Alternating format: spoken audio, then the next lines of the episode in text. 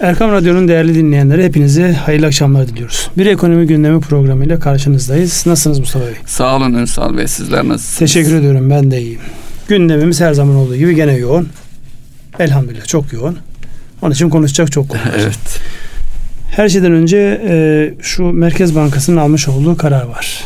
Yani bundan birkaç ay önce insanlar söyleseydi 24'ten 14'e iner mi diye herhalde hiçbirimiz yok yani nasıl olacak bu diye envai çeşit e, Başkana gerekçelerle. sorsak o da herhalde diyemez. Herkese diyemezdi ama şu an elhamdülillah şartlar e, son derece uygun hale geldi ve piyasalarda bunu son derece pozitif karşıladılar. Ne diyorsunuz? Ne oluyor? Ne tarafa gidiyoruz? Bunun gerekçesi ne? Ve yıl sonunda öngörülen enflasyon ne ki? Daha bir toplantı daha olmasına rağmen e, 14'teyiz şu an. O toplantıda ne olabilir? Ünsal Bey şimdi Merkez Bankası'nın bu kararına e, giden yolda jeopolitik riskler e, belirleyici oldu. O konuya özellikle Barış e, Pınarı harekatı ve daha sonrasında da e, Soçi'de yapılan mutabakatlarla ilgili gelişmeden bahsetmek ister misiniz? Çünkü Merkez Bankası'nın hatta çarşamba günkü e, yani bir gün önceki beklentilerle bir gün sonraki gelişmeler e, birçok şeyi özellikle de Merkez Bankası'nın e, bu faiz kararını derinden etkilediğini düşünebiliriz. Şimdi Türkiye'nin önce Amerika ile sonra da Rusya ile sağlamış olduğu belli mutabakat ve arka taraftaki e, pazarlıkları bilmiyoruz. Yani biz sadece bize Evet. yansıtılan kısmını biliyoruz. Orada e, sağlanan mutabakat ve Rusya ile özellikle görüşme esnasındayken yine Trump'ın meşhur tweetlerinden bir tanesi işte Türk ekonomisinin üzerindeki ambargoyu kaldırıyoruz, güveniyoruz, seviyoruz falan deyip ne dediklerini de bir türlü anlayamadık onların. Evet. Bir taraftan o söylüyor, öbür taraftan da teröristlerle gayet net Konuşuyorlar. işbirliklerine devam ediyorlar. Dolayısıyla e, bu açıklamalar peş peşe baktığımızda yani faizin e, politika faizinin ineceği hem de beklentinin daha üzerinde yani biz ne diyor 100-200 bandında bir şey olur. Olursa piyasa buna kendini hazırlıyor. 250 geldiğine göre demek ki e, makro olarak bunun okunması daha e, üst seviyede riskin görülem, görünmesi yorumlanması açısından daha üst seviyede bir e, gelişme olarak algılandı ve e, olumlu yansımalarını da gördük yani şu an artık insanlar özellikle ekonominin büyüyebilmesi için gerekli olan yatırım ve yatırıma kaynak maliyetlerinin makul hale geleceği yani en azından e, finansman cephesinde böyle bir pozitif hava var. Ama bunun uygulamaya nasıl yansıyacağı biraz zamana ihtiyacımız var. Çünkü piyasalar o canlanmayı, o hareketliliği henüz ya- yakalamış değil. Tam da bu arada vergi e, paketi geldi. Reform Evet. teklifi geldi. Bununla alakalı da herhalde önümüzdeki günlerde çokça konuşacağız. Bu programda da olabildiğince değinmeye çalışalım. Dolayısıyla şu an Türkiye'nin yakalamış olduğu böyle bir şey var. E, avantajlı bir durum var. E, jeopolitik olarak dışarıdan gelecek olan ilişkileri nasıl yorumlayacağımız belli. Tamam. Bir taraftan Avrupa Birliği, öbür taraftan Amerika, komşularımız herkes bir şey söylüyor. Ama bir şey daha var. O da bizim ne söyleyeceğimizin netleşmiş olması. Daha önceden yani açıkçası zihnimiz biraz karışıktı. Yani ne oluyor, ne tarafa doğru gidiyoruz diye. Şu an o sergilenen tavrın net duruşun olumlu yansımalarını görüyoruz. Bu da yani ülke açısından, ekonomi açısından fevkalade güzel bir durum diye Yani jeopolitik riskler daha öngörülebilir hale geldi. Daha e, e, tahmin edilebilir Şu an daha net. Yani o flu, gri ortam daha bir netleşmiş durumda. Dedim önümüzdeki günlerde e, dünyadaki gelişmelere bağlı olarak biz daha net adımlar atabiliriz. Bundan sonrası işte bu kaynak girişlerinin sağlanması, yatırıma dönecek, istihdama dönecek kaynak girişlerinin sağlanması olarak karşımıza geliyor. Evet. Yani e, şu an zaten Merkez Bankası'yla e, Merkez Bankası'nın aldığı kararı değerlendiren finansçılara baktığımızda herkes yani bunun daha net bir duruşu olduğunu önümüzdeki günlerde piyasayı canlandıracak yeni adımları görebileceğimize dair yorumlar geliyor. Biz de o kanattayız. Ama daha sıcak. Evet. Ee, o zaman Merkez Bankası'nın kararına bakacak olursak e, ilk tepkiler e, piyasaya olan tepkilere baktığımız zaman e, bu makul kabul edilebilir bir sonuç olarak önümüze geldi. E, Borsadaki e, e, gelişmelerde, döviz kuru, kurundaki etkilenmelerde e, bunun belki her ne kadar beklenmeyecek bir seviyede olmasına rağmen e, makul karşılandığını ifade edebiliriz. Şimdi bunun tabii yansımalar nereye oldu diye bakacağız. Şimdi borsa bunu satın almış. Yani borsa artık diyor ki ben o hızlı düşüşleri 95 95'in 95 binin altını gördüm ve döndüm. Orada e, net bir mesaj var. E, dövizle alakalı e, peş peşe gelen açıklamalar ve sağlanan mutabakatlarla e, 95'lere kadar çıkmış. 5.95'e kadar çıkmış dolar Türk lirası e, paritesi. E, 5.77'ler 5.80'ler 80'in altında şu an oralarda. E, asıl bundan daha önemlisi bir anlamda da yıl sonundaki yapılacak o bir tane toplantı da var ya Aralık ayında. Evet. O toplantıda ne olur sorusunun cevabı aslında baktığımızda e, 10 yıllık devlet borçlanma tahvillerinin e, oranlarına baktığımızda 12.99 yani 13'ün altına inmiş durumda. Zaten e, bu son alınan kararın e, yorumlanırken şöyle bir bakış açısı var. E, kamu otoritesi yani olayın resmin tamamını görebildiğini düşündüğümüz insanlar yıl sonunda enflasyonu ne tahmin ediyorlar ki buraya getirildi e, politika faiz oranı 14 olması şimdi bizim e, konumumuzdaki ülkelerin bir kere yatırımcısına enflasyonla e, uygulanan e, oran arasında bir 2 puanlık 3 puanlık bir marj oluşmalı Reel ki bir oran evet. reel bir marj oluşmalı ki kaynak gelebilsin. Dolayısıyla 14 dendiğine göre enflasyon yıl sonunda 12 gibi düşünülüyor. Bir toplantı daha var. 100 bas puan daha gelebilir mi? Gelebilir. Dolayısıyla Geleceğini bekliyorlar yani 12'nin artık, altında bir enflasyon oranı bekleniyor. Enflasyonun şu anki baktığımızda ekranlarımızda yani Eylül ayındaki o baz etki dikkat aldığımızda 9.26 yani 9.26 bu tabi e, şoklanmış bir 9.26. Bunun onun üzerine çıkabileceği konusunda herkesin ortak bir kanaati var. Dolayısıyla bir kere daha e, toplantı olacak. Oradan 14'ten 13 ya da 12.5 gibi bir orana iner. O da 1,5-2 puanlık bir reel marjı öngördüklerine dair bir işarettir bence. Merkez Bankası Başkanı makul e, dediği bir orana iner herhalde. Evet işte makullük e, yani çok e, Tabii, e, müphem bir kavram. şey yani. e, Neye göre nasıl makul? karşılanacağına bakmak lazım biraz da. Yani şu an baktığımızda piyasa bunu gayet olumlu algılamış. Yani hem devletin borçlanmasında bir düşüş var. Yani burada politika faiz oranını indirdiğiniz zaman eğer güvenmiyorsa piyasa size e, hemen devlet borçlanmada ve kurda bir hareketlenme olur. Yukarı doğru bir hareketlenme olmadı. Bu da Evet. yani beklentiyi karşılayan, fazlasıyla karşılayan bir hareket diye yorumlamak gerekir. Dediğim gibi bizim hepimizin, her birimizin teker teker e, bu işi yorumlayanların beklediğin üzerinde gerçekleşmiş olmasına rağmen. Evet.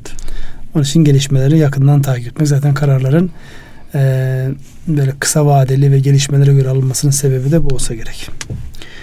Burada e, başka istatistiğimiz yoksa vergi paketiyle alakalı bir e, gündem yapalım mı? Merkez Bankası derken e, dünyadaki merkez bankalarına değinmek ister misiniz Ünsal Bey? Avrupa Merkez Bankası bize daha fazla ilgilendirecek e, diye düşünelim. E, orada e, oranı faiz oranını sabit tuttular sıfır idi sıfırda devam ediyor. Bu arada Merkez Bankası bankalarının başkanı da değişti. Ee, IMF'nin eski başkanı Lagarde hanımefendi geldi.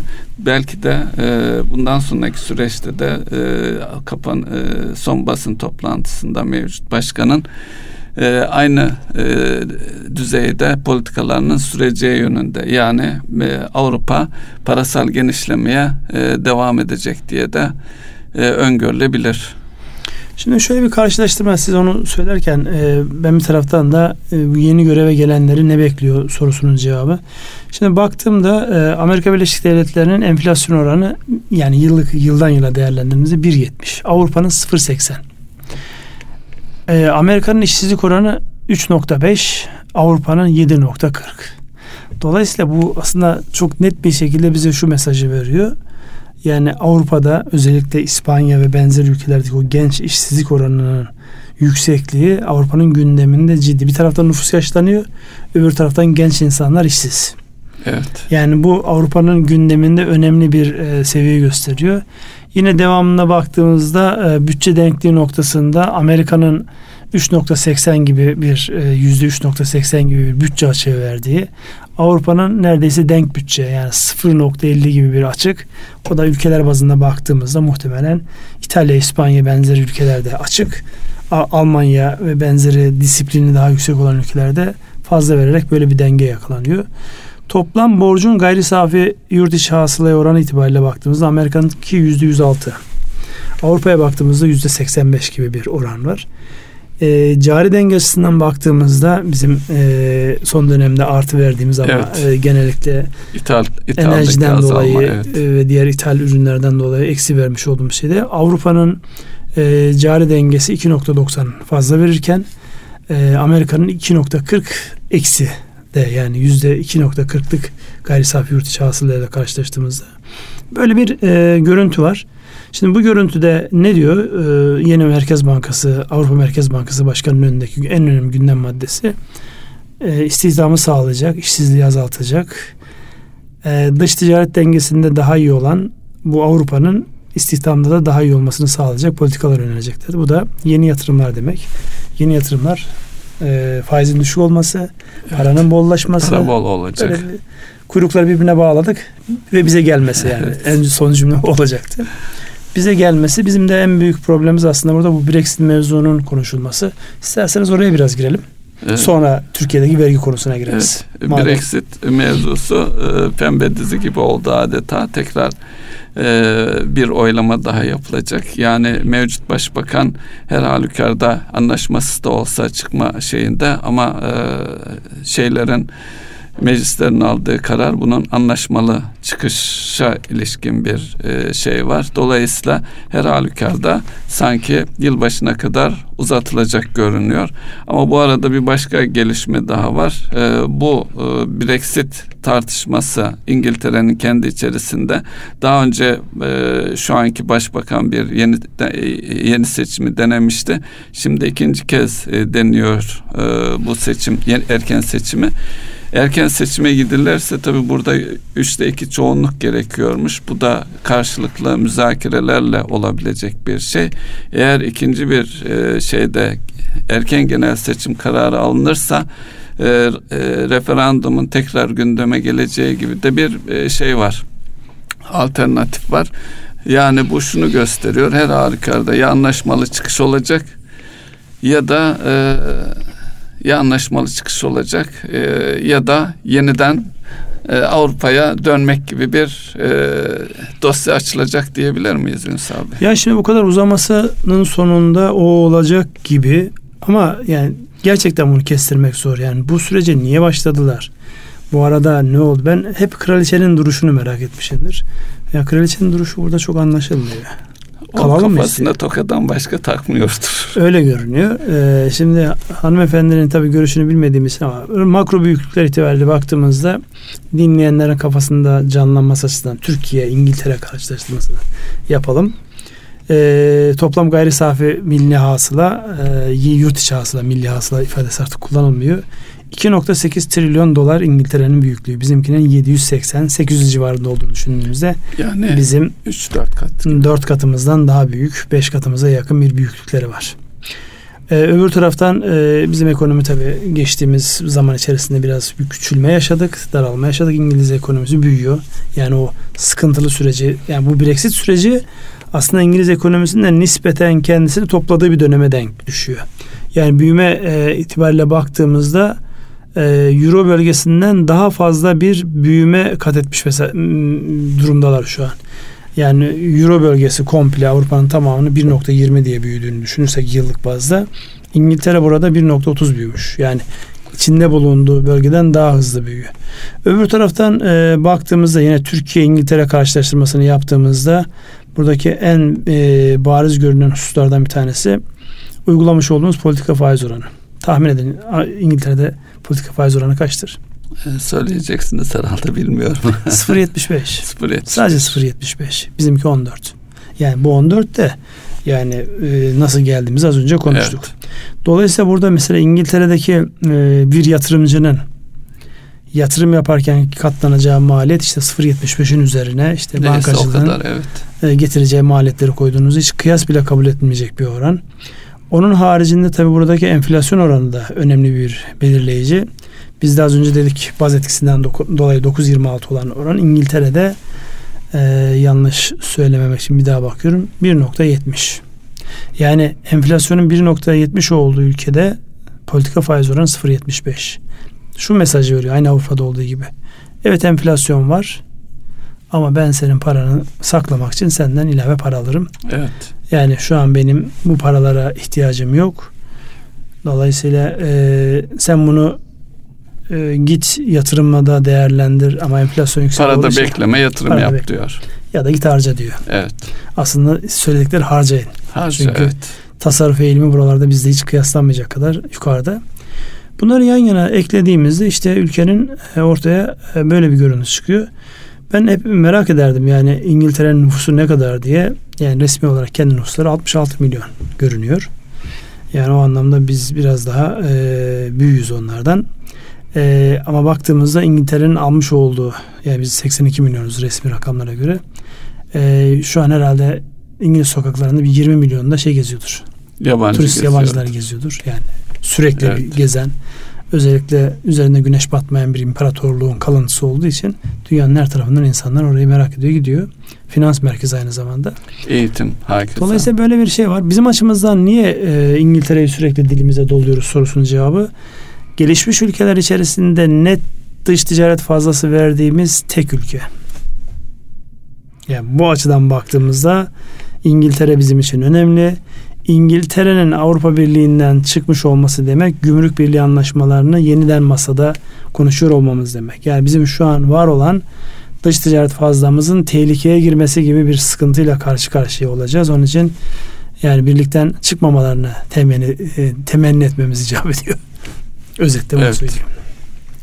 Buyurun İngiltere Türkiye karşılaştırmasını böyle hızlı bir şekilde evet, e, yaptım. Niye de çıkmaması gerektiğini, bizim açımızdan ne anlam ifade ettiğini de kendi lisanımca anlatmaya çalıştım. Evet. Peki e, Ünsal Bey şimdi e, vergilere mi geçelim? Ya vergilere geçersek bu konu e, baya bir uzayacak. Bence vergilerden önce özellikle yayınlanmış istatistiklere şöyle bir göze atalım. Yani çünkü orada e, bazı lehe bazı aleyhe e, şeyler var, gelişmeler var. Onları bir gözden geçirelim ondan sonra. E, çarşamba günü açıklanan e, tüketici güven endeksi var. E, bir önceki ay 55.8 iken e, 57'ye e, yükseldi. Orada hafif bir kıpırdama var ama son e, bir yıla baktığımız zaman aşağı yukarı 50'li seviyelerde bu seviyelerde devam ediyor. Yukarıya doğru gitmesi işlerin yani beklentinin e, güvenin arttığı bir sürece e, gireriz inşallah diyelim son aydaki şey bunu ifade ediyor.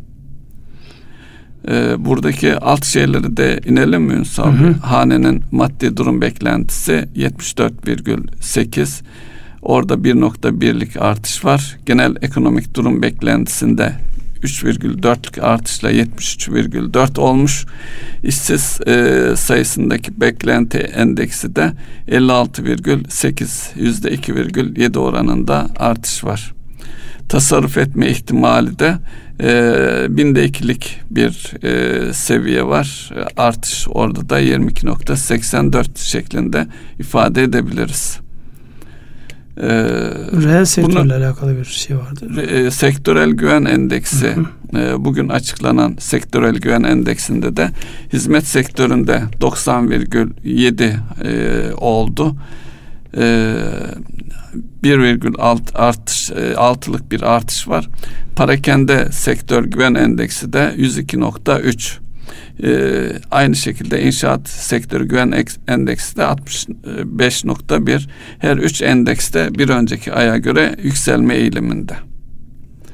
Yani bunları da birlikte düşünürsek e, daha önce e, hizmet sektörü özellikle turizmdeki gelişmeler yanı sıra diğer sektörlerde de hafif bir kıpırdanmaya işaret ettiğini herhalde ifade edebiliriz istatistiki olarak. Burada evet bu istatistik önemli. Özellikle onu belirtmenizi e, istedim. Çünkü enflasyonun e, baz etkisinden dolayı şu an bulunduğu seviye ama yani tek haneli olmasa dahi çift hanelinin hemen üzerinde olacağı için onunla alakalı bir zihinlerdeki netleşme artı beklentilerle alakalı havanın nispeten pozitife dönüyor olması önümüzdeki günlerde yani son çeyrek ne olur sorusunun cevabında işte son çeyreğin zaten e, bir ayını burada bitirdik neredeyse. Geriye kaldı iki ayımız. Bu iki aylık zaman zarfında son çeyreğin daha verimli geçeceği, insanların daha pozitif bakacağını 2020 yılına yönelik zaten e, o bütçe geçen hafta meclise sunulan bu hafta yine meclise sunulan vergi reform paketi bunların hepsi 2020 yılında aslında iş dünyasının nasıl şekilleneceği, makro büyüklüklerin ne olacağı ile alakalı önemli ipuçları. Dolayısıyla bunlar buradan değerlendirmek icap ediyor. Ben bu arada e, özellikle işte bu vergi reform paketinden fazla konuşulacak başlıklardan bir tanesi e, değerli mülk kavramı, değerli konut kavramı ile alakalı işte, e, bir ifade var orada. İşte belli rakamların üzerinde 5 ile 7 7.5 milyon e, TL arasındaki mülklerin üzerinden işte binde üçlük bir e, her sene verilecek bir vergi.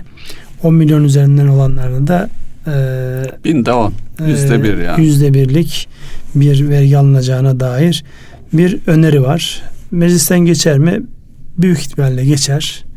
Çünkü e, hatırlarsanız bir önceki programda 2019 yılında işte bedelli askerlik, e, imar barışı yani bir kerelik belli denklemlerle Merkez Bankası'nın işte yedeklerinden, kar dağıtımından bütçe denkliğinde bir sağlama ve yeni kaynağa ihtiyaç var dendiğinde yani kamu otoritesi bu anlamda düşünmüş orayı yeni kaynak olarak tasarlamış, dizayn etmiş ve onu bir teklif olarak getirmiş. Dolayısıyla bütçe denkliği açısından da ona ihtiyaç var olduğu görünüyor.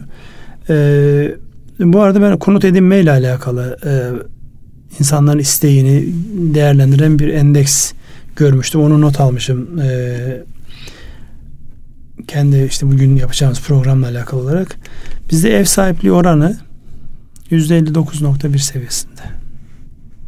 Yani hani dünyada mekan ahirette evet, iman haneler, haneler açısından haneler aileler açısından, açısından baktığımızda evet. aileler açısından baktığımızda %59'luk yani dünyanın başka ülkelerindeki bu oranlar muhtemelen farklıdır.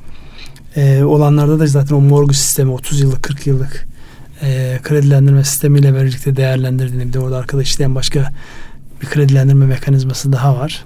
Yani evinizin değeri fazlaysa aradaki fark kadar ihtiyaçlarınız için tekrar kredi alabiliyorsunuz. Öyle bir mekanizma var orada. Ee, bizde hala yüksek. Yani ev edinme isteği o işte hala devam ediyor. Gerçi genç jenerasyonla görüştüğünüzde yani biz sizin gibi değiliz. Yani bizim işte bir daireyi 30 yıllık 40 yıllık kirasına daire almak akıllıca gelmiyor bize gibi ifadeler kullanıyorlar ama genç oldukları için mi söylüyorlar bunu yoksa gerçek fikirler mi onu bilmiyorum.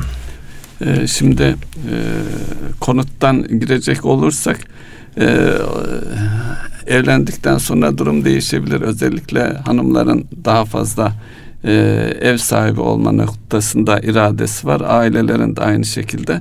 Tabi burada e, Merkez Bankası oranlarını konuştuk. Burada belirleyici olan husus e, üç kamu bankasının konut finansmanına ilişkin oranları aşağı indirmişlerdi. Dolayısıyla yüzde birin altında olması konut edinme açısından önemli bir e, gösterge artıran bir şey. Merkez Bankası'nın bu kararıyla birlikte bankaların bu oranları daha da aşağı indirmesi yönünde bir beklenti var. Dolayısıyla konut satın alma e, talepleri artacaktır ama her halükarda konutun mülkiyetinin e, kimde olması bir tarafa konut ihtiyacı insanlarımız açısından dünyanın her yerinde olduğu gibi devam edecek. Hatta artarak devam edecek. Son e, birkaç ayda ayda yaşadığımız deprem uyarıcı etkisiyle birlikte oradaki talebinde özellikle e, eski yenilenme ihtiyacı olan konutları da düşünürsek bu e, oranların aşağı gelmesiyle birlikte onun artacağını düşünebiliriz. Şimdi bekleyebiliriz. Siz... Bunun ipuçları da var. Zaten geçen haftalarda konuşmuştuk. Konut satış sayılarında ve e, mor e, kredili konut mortgage dediğimiz e, sayılarda da ciddi artışların ipuçlarını gördük. Orada... Ve sadece üç kamu bankası özel bankalarda devreye girdiğinde bu daha da yüksek bir seviyeye çıkacaktır. E, kesinlikle çıkacaktır. Şöyle bir e, istatistik görüyorum, grafik görüyorum. Şimdi geriye yönelik 10 yıllık e, perspektife baktığımda yeni konutların aylık satışı ile alakalı bir e, TÜİK'in hazırlamış olduğu bir döküm var. Oraya bakıyorum şu an. Baktığımda mesela en kötü zaman, en kötü zamanlarda aylık 20-25 bin e, adet yeni konut satışı olmuş. Bunun ne kadar banka kredisiyle ne kadar şey o ayrım yok yani ama yeni evet. e, konusu en kötü zamanlarda. Ortalama baktığımda 10 yıllık perspektife baktığımda alt çizgi 40 binler seviyesinde. Ve biz e, elimizdeki istatistikler biraz gecikmeli geldiği için Temmuz ayı rakamı var. Yani yıllık 500 bin diyebilir miyiz o zaman? Yani en kötü zamanlardan evet. bahsediyorum. Şimdi Temmuz ayı rakamı geldiğinde 38 bin 39 bin civarında yeni konut satışı var ama Temmuz'dan bu yana özellikle bu bankaların devreye girmesi, e, finansmanın yansımasını sonra göreceğiz. Ama şunu size söyleyeyim. 10 yılın en dip dönemini yaşıyoruz şu an. Yani 10 yıllık perspektife baktığımızda en alt seviye nereye gelmiş? 40 binlere gelmiş. Şu an biz 40 binler seviyesindeyiz. Temmuz rakamından bahsediyorum. Bunun tekrar 80 binlere çıkması ki iyi zamanlarda da 78-79 binler seviyesinde 80 binler seviyesinde. Yani geçmiş tecrübemize baktığımızda, geç, geçmiş performansımıza baktığımızda, trend analizi yaptığımızda e, eski seviyelere gelmesi haline daha ikiye katlayacak kadar bir mesafe var. Katlar mı? Evet bankacılık sistemi yani şu şekilde ama daha geniş tabana yayılarak özel sektör bankaları da buna destek verirse bunun yayılmaması için hiçbir sebep yok. Çünkü dediğim gibi yani 10 yıllık perspektifin en dibindeyiz biz. Ve en kötü olan o 20 binlere de biz bu, iş, bu yıl içerisinde yaşamışız. Yani bu yılın e, ne zaman e, bakıyorum şöyle Evet yani Nisan, Mart oralarda yaşamışız. Bir toparlamış sonra tekrar evet, dip yapmış. İnşaat e, e, en düşük e, seviyede 50'nin altına düştüğü seviyede Nisan, Mayıs ayları. Evet. Şimdi ona baktığımızda bu artık dipten dönmüş. Buraya baktığımızda dipten dönmüş yukarıya doğru gidiyor. Eğer finansman desteği insanların gelirlerinde kendilerini uzun vadeli borçlandırma noktasında endişeli saymazlarsa konutla bir alakalı bir hareketlenme olur o hareketlenmenin yansıması da ekonominin tamamına olabilir. Yansıyacaktır. Olabilir. Evet. Çünkü lokomotif bir sektör burası. Evet yani e, konuttan girerken böyle birkaç tane istatistiği evet. gördüm. Onlardan bahsetmeden geçersem bir şeyler eksik söylemiş oluruz. Çünkü herkesin gündeminde bu günlerde konut alınır mı sorusu var. Çok sayıda insandan geliyor. Yani eğer makul mantıklıysa evet bugünlerde konut alınır. Evet. Yani finansmanınızı da ona göre ayarladıysanız alınabilir. Bu anlamda yani gidin alın falan diye bir evet. tavsiyede bulunmuyoruz tabii. Evet. Herkes kendi kararını kendisi verecek. Ama ve lakin trend analizine baktığımızda, istatistiklere baktığımızda, görüntüye baktığımızda kendi gelirinizde eğer bir e, ciddi bozulma yoksa bu dönem konut almak için makul fiyatlardan yakaladıysanız mümkündür diyelim. Evet, e, şunu da söylüyorlar e, o sektördeki insanlar Ünsal Bey 500 bin liralık bir limit var. Dolayısıyla o limitinde konut satışlarını kısmen e, baskıladı. Daha düşük fiyatlı konutlara yönlendirdiği yönündeydi. E oraya da işte el birliği sistemi e, çok ciddi bir karşılık evet, veriyordu. Faizsiz yani sistem. Bankanın uzak durduğu yerlerde daha düşük fiyatlı konutlara faizsiz sistemle yani çok sayıda firma oraya hizmet ediyor. Dolayısıyla orada da bir e, hareketlenme bütün hızıyla devam ediyor malumunuz. Evet buraya e, vergi paketinde konut değerli konutla girdik ama oraya e, konuşmadık. Yani Şöyle, vergiyi konuşmaktan olabildiğince kaçmaya çalışıyor. ama bilgilendirme açısından da yoğun olarak önümüzdeki dönemde hele hele meclis sürecinde e, vergi konusu e, tabi bu siz e, girizgahta söylediniz. Geçen yıl bir defalık vergiler e, gündemdeydi. Tabi son döneme baktığımız zaman mali bir tarafımız güçlüydü ama e, ekonomideki bu yaşadığımız süreçteki daralma nedeniyle e, orada da e, şey ihtiyaçlar hasıl oldu. Dolayısıyla bu vergi paketi e, bütçe ihtiyaçlarını karşılamaya yönelik ama bunun ekonomiye ne şekilde yansıyacağı konusu da var. Olumlu e, yansıması beklenecektir doğal olarak. Bu konut dediniz, oradaki rakamları söylediniz zaten. E, daha önce değinilmeyen e, birkaç e, alan var. E, konaklama vergisi Hı-hı. ve dijital konulardaki vergi e, ve e, kambiyo vergisi vardı zaten o iki kata çıktı. E, kambiyo vergisinin iki kata çıkarılması isteniyor. Bunun sebebi de özellikle e, ekonomideki dolar ağırlıklı yapıyı e, yapıya karşı bir şey olarak düşünülebilir. Yeri gelmişken e, döviz tevdiat hesaplarına da değinelim Ünsal Bey burada? Bahsedelim lütfen. Şöyle e, yine bir rekor söz konusu. E, yaklaşık e, geçen e, ay itibariyle e, pardon geçen hafta itibariyle 194 milyar dolarla yine bir rekor var. Burada ağırlıklı olarak da e, işletmeler yani tüzel kişilerin e, talebiyle bir artış var. Gerçek kişilerde de yaklaşık 300 milyon dolar seviyesinde azalma var. Yani gerçek kişiler satmış e, tüzel kişiler almış. Tabi tüzel kişilerin almasını da onların e, kredi ödemeleriyle falan bağlantılı olduğunu ifade edebiliriz. Tabi bu kambiyo vergisi de buradaki dolardaki e, şeyi miktarı azaltmaya yönelik çünkü ekonominin ekonomi açısından bir risk olarak duruyor bu.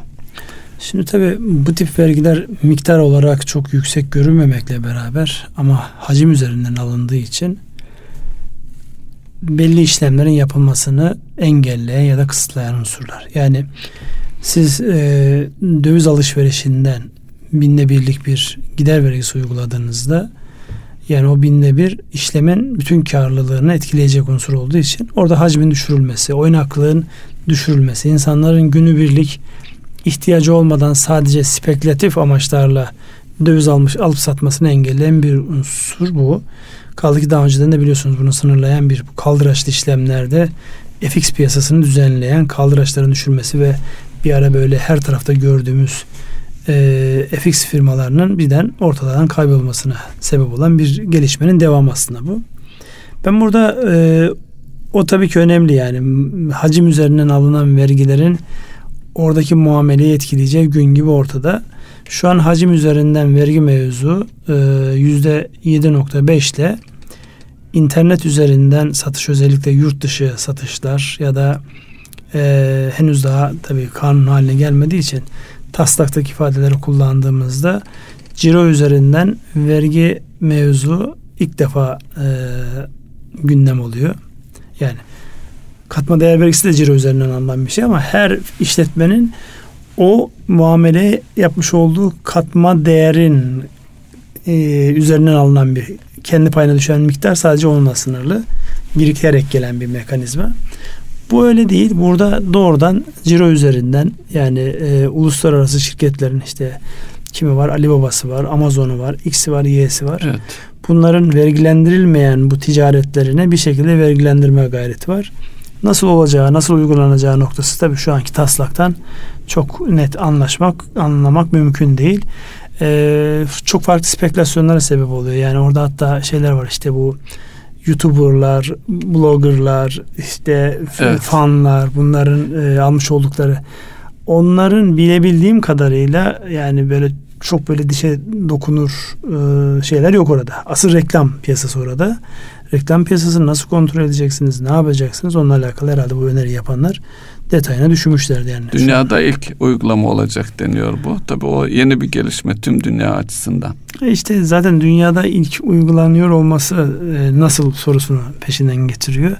Ve muhataplarımızın önemli bir kısmı yurt dışında. Yani birçok kurumu Türkiye'de faaliyet göstermesini özellikle sosyal medyada hatırlarsanız yani bazı e, uygulamaların Türkiye'de faaliyet göstermesiyle alakalı kapansın mı kapanmasın mı şeyinde yani bir ayağının burada olması. Bazı firmalar da geri döndü gitti. Geri döndü gittiler. Dolayısıyla orası biraz e, kafa karıştırıcı bir mevzu. Neyse. Onun haricinde asıl gündem e, yapılan temel unsurlardan bir tanesi kurumlar vergisi oranında bir azaltma söz konusu. Ama öbür taraftan da gerçek kişilerin gelir vergisiyle alakalı bir artma. Yani belli bir rakam o 500 bin lira diye şu an e, %35'ten en üst dilim %40'a çıkıyor. Bu %35 ama çok uzun zamandan beri yani neredeyse e, AK Parti hükümetlerinin en başlangıç döneminde yapılmış bir düzenlemenin uzun zamandan sonra tekrar e, eski haline döndürmesi, beyana bağlı olarak eski haline döndürmesi gibi bir şey. Yani bu da bir yük artışı var. Nasıl işleyecek onu hep beraber göreceğiz. Tekrar yüzde kırka e, yani tekrar derken geçmişten yüksek yüzde kırk olmuş. Tekrar orada yüzde kırka çıkmak gibi bir durum söz konusu. Enteresan yani bu vergi mevzunu bayağı evet, konuşacağız. E, Öyle görünüyor. Yeni alanlar olduğu için bir de konaklama e, vergisi söz konusu. E, o da yeni bir e, konu. E, yani e, konaklama değer üzerinden yüzde iki gibi bir vergi öngörülüyor. Bu da yeni vergilendirilecek bir alan olarak önümüzde. Evet. Ee, ben size peki, dedim bu vergi bu vergi mevzuna girmeyelim. Bu vergi mevzu. Bu, şimdi kayıt dışılıkla ilgili ne söylersiniz? Oraya ne kadar hizmet ya eder Ya burada bu? kayıt dışılıkla alakalı yani ben açıkçası böyle çok net bir şey yani diyorum ya taslağı böyle madde madde okumuş değilim. Yani en azından çok dikkat çeken e, başlıklara detayına biraz girmeye çalıştım. Yani kayıt dışılığı kayıt altına alma noktasında yani çok net şöyle yapılıyor diyebileceğim hususlardan ziyade mevcuttaki özellikle işte bu değerli konutlar gibi yapılar ya da daha önceden işte üzerinden vergi alınmayan ama nasıl alınacağı konusunda az önce konuşmuş olduğumuz dijital ortamdaki cirolar üzerinden alınacak vergiler gibi başlıklar. Bunlar tabii yeni başlıklar bizim açımızdan. Şimdi uygulamayı görmeden çok fazla bir şey söylemek mümkün değil. E sizin de içinde bulunduğunuz bir işte WhatsApp grubunda hatırlarsanız olayı bir tartışalım dedik. Herkes aynı maddeye bak farklı farklı şey anlıyor. Evet. Dolayısıyla e, ne zaman bu netleşecek? Kanun çıktığında netleşecek. Sadece kanun çıktığında da netleşmeyecek. Uygulamalara geçtiğinde çünkü kanunun lafzında yer alıp da uygulamasında çok farklı boyutlara ulaşan e, uygulamalar vaki. Onları görmek icap edecek. Onun için şu an çok fazla yani konuşmak e, doğru mu tereddütünü oradan yaşıyorum. Tartışılmaya devam edecektir. Çünkü çok meclis süreci var. Çok tartışılacak bu mevzu ama şu da bir gerçek. Yani e, Türkiye'nin denk bütçesini sürdürebilmesi açısından az önce rakamlardan bahsetmiştim. Tekrar oraya dönmek istemiyorum. Ama bütçe denkliğini sağlayabilmesi için kaynağa ihtiyaç var. Aksi takdirde şu an ekonominin dönmesi için reel sektöre gitmesi gereken kaynağın devlet tarafından borç alınması anlamına gelir. O bizim düşündüğümüz istihdam ve yatırımları da önündeki en büyük engel olur. Evet. evet. E, peki e, hangi konuya girmek istersiniz? Şimdi e, her bölümümüzde firmaları etkileyen hususlar e, gündeme getiriyor, getiriyoruz. E, yurt dışında yaşanan e, bir olaydan hareketle geçen hafta konuştuğumuz e, ta, gıdalarda taş olayını birleştirip tekrar konuşmak ister misiniz Ünsal Bey? Ona geçmeden önce aslında yurt dışı ile alakalı yani notlarda vardı ya oraya gelir mi gelmez mi diye tereddüt ettiğim bir başlık. Başta Şili olmak üzere birçok ülkede şu an çok ciddi e, sokak eylemleri var. Ve tetikleyici unsurlar genellikle basit bir şey işte otobüs biletlerine yapılan zamlar işte öğrencilerin bilmem e, bir şeyinin kesilmesi. Ama bunların ortak özelliği dünyada gelir dağılımı giderek olumsuz bir şekilde açılıyor. Yani Şili o bölgenin en e, varlıklı ülkesi. Yani vakti zamanda Pinochet'e çok laf etmişlerdi bir diktatör bir e, darbeci olarak çok laf etmişlerdi ama o dönemde özellikle bu madencilik artı sigorta sistemiyle alakalı getirdikleriyle bulunduğu coğrafyanın ki Şili'nin coğrafyası çok sıkıntılı bir coğrafyadır. Yani dağların arkasına deniz tarafına sıkışmış bir coğrafyadır. Ona rağmen bulunduğu coğrafyanın en varlıklı ülkesi olmuş idi. Fakat aynı Şili bugünlerde gelir dağılımını yani insanları rahatsız edecek yeni yüklerin gelmesinden dolayı tepkisel bir noktaya geliyor. Dolayısıyla bu önemli bir başlık yani dünyanın muhtelif yerlerinde özellikle gelir dağılımı ya da vergi oranları ile alakalı oynanan e, yani atılan adımların karşı ayağında tetikleyici etki yapıyor. Dolayısıyla o çok dikkat çekici bir başlık. Yani onu sadece bir böyle bir parantez içerisinde söyleyip geçiyorum. Ee, orada Peki. Parantez içerisinde söyleyip geçiyorum. Çünkü o henüz daha nereye gideceği, nereye evrileceği, bunun dünyanın geneline nasıl yayılacağı e, çok bilinen bir mevzu değil. Öbür tarafta malum Hong Kong'da bir hadise var. Onun çıkış noktası başka. Orada insanların özgürlükleriyle alakalı bir mevzu var. Çin'e karşı bir e, duruş var. Ama şu bir gerçek. Yani toplumlar çok hareketli. Toplumlar bu tip böyle hassas konularda tetiklemeye son derece elverişli. Onun da bütün dünyasından yakından izlenmesi gereken bir başlık olarak bir köşede durduğunu söyleyeyim. Gelelim sizin e, meşhur e, tahşiş konularını da ne söyleyeceksiniz? E, geçen hafta konuşmuştuk. E, yurt dışında Amerika'da yaşanan e, bir markanın çocuk pudralarında asbest bulunmasıyla ilgili bir e, medyaya yansıyan bir bilgi vardı ve pudraların toplatılacağı kararı verdi ilgili marka ama o markanın hisse değeri dahil olmak üzere ciddi bir itibar kaybı söz konusu çünkü bu küresel bir marka. Yine benzer bir şeyde bu e, iki tane 737 Max uçağı düşmüştü biliyorsunuz. E, Boeing'in e, şu ortaya çıktı aslında e, Boeing'in test e, pilotları bu problemi tespit etmişler ancak rapor etmemişler. Bu da e, o şirketin daha önce e, örselenmiş itibarını tekrar e, örselemeye devam ediyor. Yani diyorsunuz ki faturayı test pilotlarına kesti geçtiler diyorsunuz. Evet. Öyle dolayısıyla mi? burada üreticilerin, şirketlerin e, neyse hizmette üretiyor olabilirler, ürün de üretiyor olabilirler. E, üretim sürecinde, hizmette yaşanan en ufak bir e, hatanın o şirketin e, ciddi zarar etmesine ve hisse değerlerinin ciddi miktarda düşmesine sebep oluyor. Tabi borsada işlem görmek kaydıyla. E, bununla ilgili e, neler söylersiniz Ünsal Bey? Yani işletmeler e, yani, söylenecek çok söz yapmalı? var. Şimdi e, burada daha önceden de e, büyük bir otomotiv grubunun emisyonu ile alakalı, karbon emisyonu ile alakalı bir skandal vardı.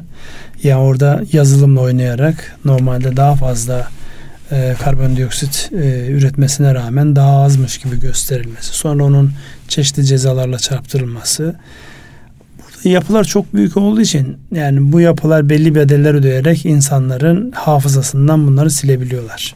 Yani bu bahsetmiş olduğunuz firmanın daha önceden e, pudra kullanımından dolayı mahkemelerde kansere sebep olması sebebiyle ceza aldığı falan hadise vaki yani bunlar e, bilinen hadiseler. Şimdi burada e, bir kere herkesin şunu görmesi, bilmesi icap eder. Yapılan illegal ya da insan sağlığına aykırı hiçbir şey uzun süreli bir yerde kalmaz.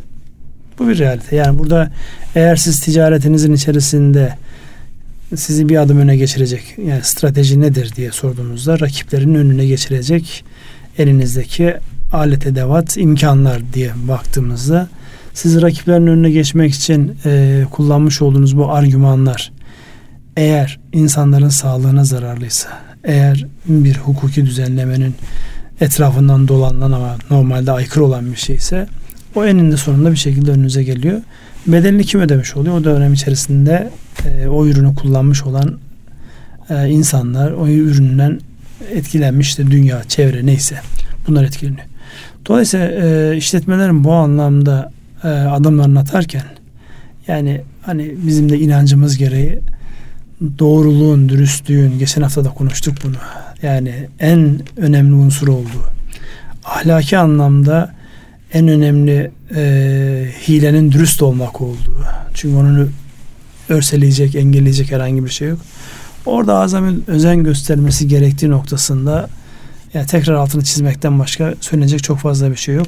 Hele dediğiniz gibi yani biliniyor da işte raporlaması o bence faturayı işte test pilotlarına kesme ya da oradaki 3-5 tane adama fatura edip çıkma hadisesi. Yani bu kadar belirgin, bu kadar devasa rakamlar harcayan e, firmaların kalkıp yani bu kadar büyük bir problemi oradaki bir kişi ya da birilerine mal etmesi o da tuhaf bir şey. Şöyle bir konu daha var Ünsal Bey. Şimdi şirketlerde risk yönetimi açısından e, da bakılabilir.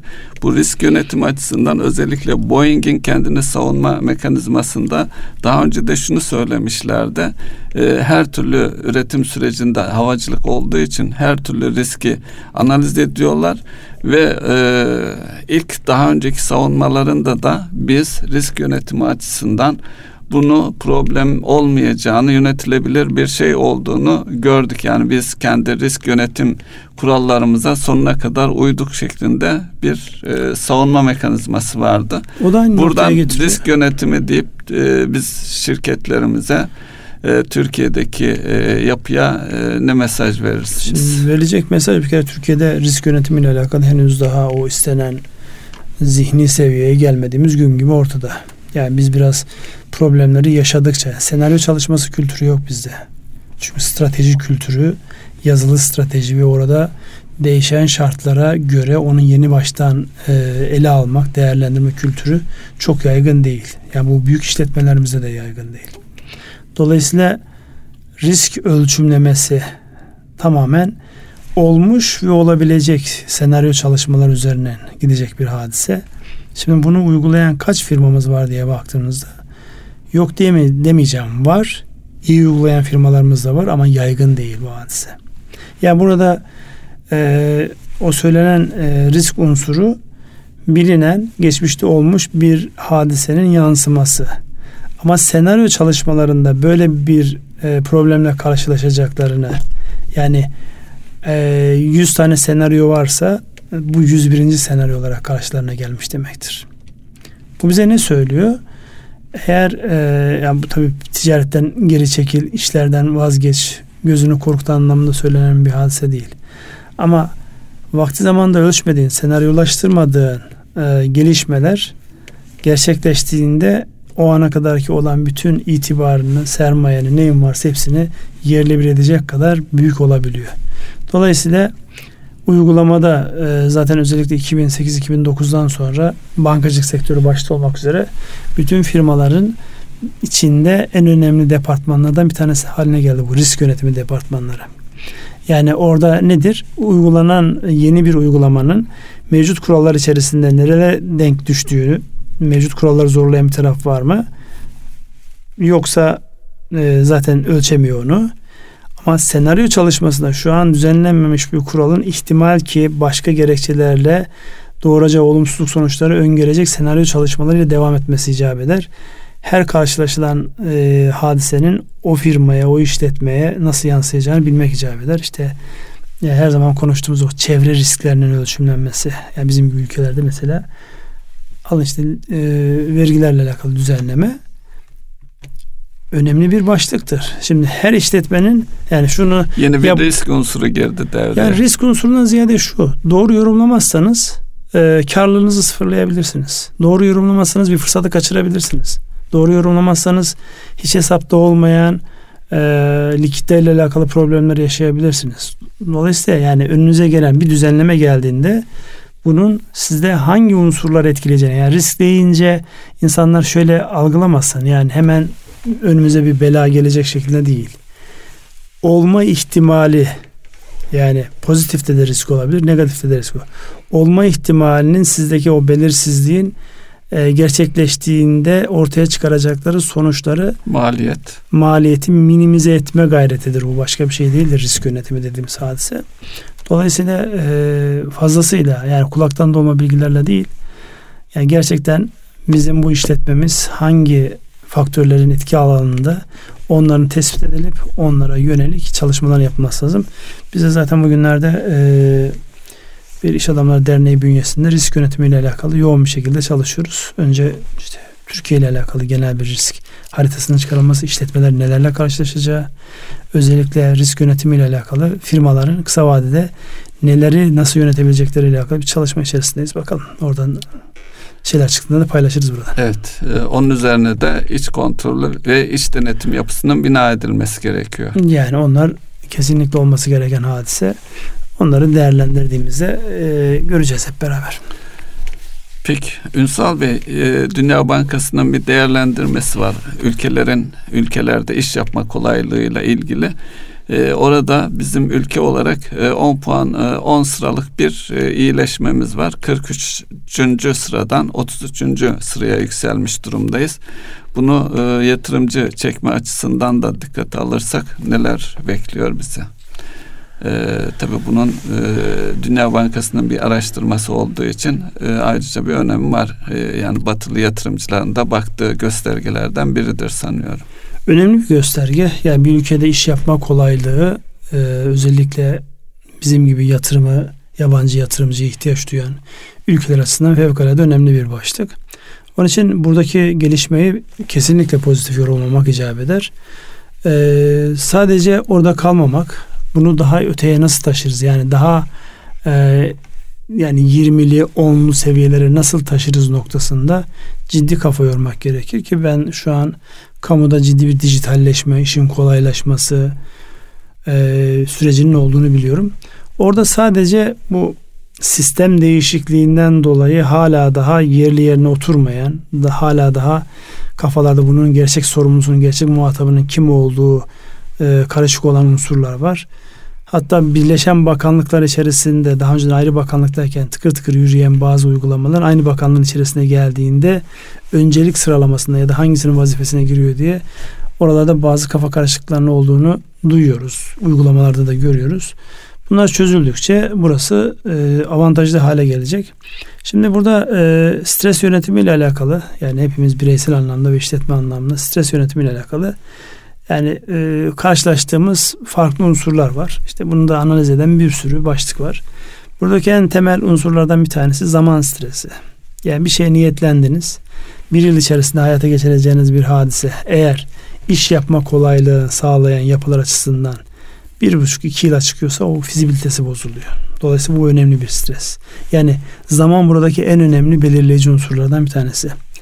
İkincisi beklentiyle alakalı hadise. Siz bir yatırım yapıyorsunuz. Konjonktür şu an ona çok uygun. Geç kaldığınızda beklenti değişebiliyor, düşebiliyor. Onun için iş yapma kolaylığı yine burada e, kendini gösterecek bir husus. Yani eğer siz iş yapma kolaylığını insanlara sağlarsanız oradaki size gelecek bir yatırım size gelir. Başkasına gitmez. Ama orada beklentilerle alakalı farklı bir şey olduğu zaman yeni bir stres kaynağı ve o başka bir yere götürür. E, durumdan kaynaklanan, anlık gelişmelerden kaynaklanan stresler var. E, orada maşallah biz o konuda gündemi çok yoğun olan bir ülkeyiz. Yani işte biz de burada ekonomi yorumlarken e, aynı şeyi siz de yapıyorsunuz. Yani bu hafta şu konu işlerim, bu konu işlerim diye her gün not alıyorum. Buraya geldiğimde hepsi sıfırlanmış oluyor. Çünkü son geldiğiniz günde cuma gün ya da perşembe günü gerçekleşen bir gelişme o ana kadar olanların hepsini Her şey birden değiştiriyor. E, bambaşka bir noktaya e, getiriyor. Bir de e, karşılaşmaktan hep kaçındığınız ama karşılaşabileceğiniz hususların e, stresi var. E, yani bu da işte az önce dediğimiz o risk yönetiminde tam böyle birebir örtüşüyor. Olabildiğince insanların e, korkularını değil de mutluluklarını karşılayacak adımlar atılmalı. Yani bunu e, iş yapma kolaylığıyla birebir bağlantılı görüyorum. Yani neyi bekliyorsam onunla karşılaşayım. Beklemediğim bir şeyle hatta beklemekten pardon karşılaşmaktan korktuğum bir şeyle yüz yüzeysem o beni bütün karar mekanizmamı dengemi bozabilir. Onun için bize gelecek olan yatırımcıların böyle sürprizlerle karşılaşmadığı, durumdan kaynaklanan streslerin onları olumsuz etkilemediği, beklentileri tam e, yönetebildikleri ve zamanında beklentilerine karşılık buldukları bir e, yapı kurarız diye dilek ve temenniler kısmında ben bunu söylemiş olayım. Ben de şunu ekleyeyim. Gelecek yatırımcı açısından bu saydığınız riskleri yönetebilecek bir kapasitede yönetici kitlesinin olduğunu vurgulayalım. Ya uluslararası yatırım yapan e, yerlerin bu ön bir kabuldür. Yani yanılıyor da olabiliriz. Yani çünkü bizim de yurt dışında yatırım yapan firmalarımız var. Baktığımızda yani e, Allah Allah nidalarıyla gidiyoruz yani tamam inanç önemlidir ama yani arka tarafta önce bir gidelim sonra hallederiz e, bakış açısı var. Bir bütün olarak bakmak lazım. Yani burada insanlarla konuşurken işte kurumsallaşma, kurala bağlı olma, süreci tanımlama gibi şeyler söyleyince abi bu beni yavaşlatıyor diye bir tepkiyle karşılaşıyorsun. yavaşlatmayan, senin hızını kesmeyen ama karşılaştığında da her şeyini yerle bir etmeyecek risk yönetim kurallarının uygulandığı, strateji kurallarının uygulandığı yapıların dizayn edilmesidir asıl olan. Sürdürülebilir diyorsunuz. Yani sürdüremezsen yani şey olur o biraz böyle e, ne derler vur kaç taktiğine döner. Onunla abad olanı ben hiç görmedim. Sürdürülebilirlik önemli bir başlık. E, saat işaret ettiğine göre bitir Evet. diyorsun öyle mi? İyi tamam bitireyim.